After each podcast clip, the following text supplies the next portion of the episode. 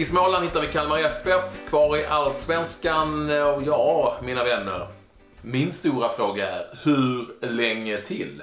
Om man nu får vara lite vass. Och det får man väl i det här sammanhanget. Jag vet inte. Jag tror att Kalmar FF eh, ja, går mot en lindansarsäsong. Och jag tror att det finns en risk till och med att de åker. Nej, jag tror ju att Nanne har ju för stor rutin för det här och han har ju liksom eh, ja, Kalmar i sitt DNA. Så jag tror att han lyckas lösa så att de klarar sig kvar i alla fall. Men där kommer det ju mycket vara beroende på vad händer med Elmarna. Alltså, Rasmus är ju ständigt skadad. Viktor måste fortsätta vara bra. Kan han vara så bra som han ändå var vissa perioder förra säsongen? Har den tredje har lagt av, precis. Men sen fick man ju helt oväntat behålla Erton Det ska jag är nyckeln. Det skulle Ja. jag säga är nyckeln för Sen har Kalmar. inte, ja precis, och han vill ju utomlands. Han sa ju direkt efter, eh, direkt efter matchen, mot- sista matchen mot AIK förra säsongen att nej nu lämnar jag Kalmar, nu ska jag satsa på en ny utlandssession. Sen blev det ingenting. Även fast han enligt han själv hade 25 anbud så valde han att stanna kvar i Kalmar.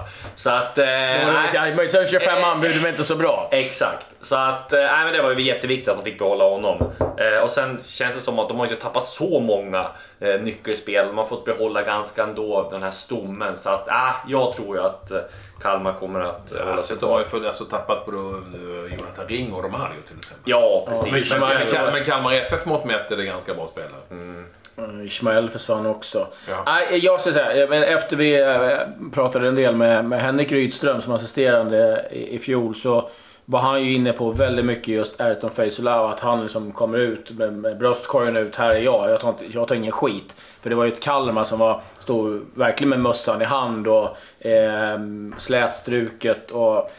Eh, Jag, jag tror att de, eh, jag tror inte de åker ur. Det kommer inte vara någon klang och jubelfest där nere eh, på Guldfågeln och eh, det kommer vara mycket som är, är negativt kring klubben, men jag tror också att man kommer lösa det.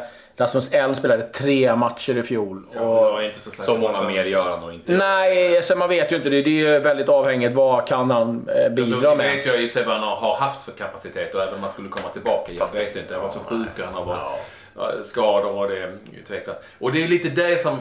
För det första så, så tror jag inte att eh, det spelar någon roll hur eh, rotad Nanne Bergstrand känner sig i Kalmar FF. För den, det är inte så att han har eh, rosat marknaden som tränare på, på senare tid. Det ju, kan vi ju faktiskt Nej, inte men han säga. tog upp Bayern som ingen annan klarade. Han höll ju Kalmar kvar förra året. Så att det... Jo, men de var illa ute och det handlade väldigt mycket om vad de hade för, vad de hade för lag. Och de är ute och svajar. Jag- är tveksam till hur den här jagen... Nu när vi har spelat in det här så pratas det om det är nog en ny nigerian som ska komma in. Alltså det är lånespelare och det är, det är provspelare. Det är ingen ordning och reda. Det, det chansas för mycket. Det är väldigt konstiga chansvärvningar. Och så har det ju varit, även under de senaste säsongerna också, väldigt mycket chansat. Chansartat. Jag tror också att Erton Feisolaus, eh, att hans, hans vilja att vilja komma iväg kvarstår. Det, Ja, Ja, ja, ja. Han ser nog inte sig själv i Kalmar om Utom tre år. alla rimliga tvivel så kvarstår ju det. Jag tror inte att han vill stanna i Kalmar. Och det kommer Kalmar dra nytta av. Sen, Det kan vi sen är det möjligt att han kan. Det kan försvinna, faktiskt men... eh. Det är okej. samma sak som Erkan i Hammarby. De kommer vilja visa, även om de vill vidare så är det bra för då måste de ju visa, då måste de prestera. Och jag tror att det kan vara en fördel till Kalmar. 30 mål i fjol, det var bara tre lag som gjorde färre. Där har du problemet. Man har sju av sina nio vinster på hemmaplan. Eh, Det är också någonting man måste adressera, att det liksom blir bättre borta. Jag såg dem i cupspelet mot Östersund. Jag skulle säga att det ser ut som ett division 1-lag. Men nu är det långt och tidigt på, på säsongen. Men det var ingenting som skrämde mig. Jag tycker inte att de har... Eh, om det inte är så att deras Nixon, som han heter, brasse, ytterligare en ny brasse och eh, deras brassar och nigerianer är som Sundsvalls spanjorer enligt Disco. Det vill säga det bästa som fotbollsvärlden har sett. Hej Batanero! det bästa som fotbollsvärlden har sett. Eh, Om inte det är så, så tror jag eh, att eh, de kommer få väldigt, väldigt, väldigt stora problem. För jag känner inte att, och tappet av Jonathan Ring tror jag är supertungt. Ju också för den delen. Så, ah, det här kan bli tufft, det kan bli en tuff fågel. Fågeln, eh, jag tror inte den flyger så långt alltså. Och, eh, Alltså den är just som är gjord av guld. Nej, det... De flyger över sundet. Ja, grillas direkt. Nej, jag tror, jag- lite som jag är inne på eh, när vi resonerar kring Sirius, att det finns lag som är sämre än Kalmar FF och det är det som gör att de kommer klara sig. De kommer få slita ont och det kommer inte vara några jättepoäng ner till nedflyttning. Men eh, jag sätter dem på en tolfte plats. Disco.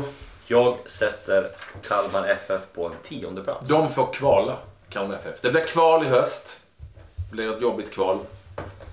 Mot, ja, vad har vi? Superettan? Mot Helsingborg kanske. Ja, det är jobbigt. Jag tror, de, jag tror att de eh, får kvalspela helt enkelt. Eh, och jag eh, står såklart fast vid den åsikten ett par dagar till. Kapp, kappvännernas kappvändare. Nej men, jag måste ju ha dem Let's någonstans. Dance skiten. Höger, vänster. Sen Let's, alltså den Let's Dance- Let's Dance-tiden. Vad hade vi? Du hade dem Eh, tolva. och du Tia. 10, 12 och jag då på, vad blir det? 14? 14. 10, 12, 14. Mm. Tionde plats, wow.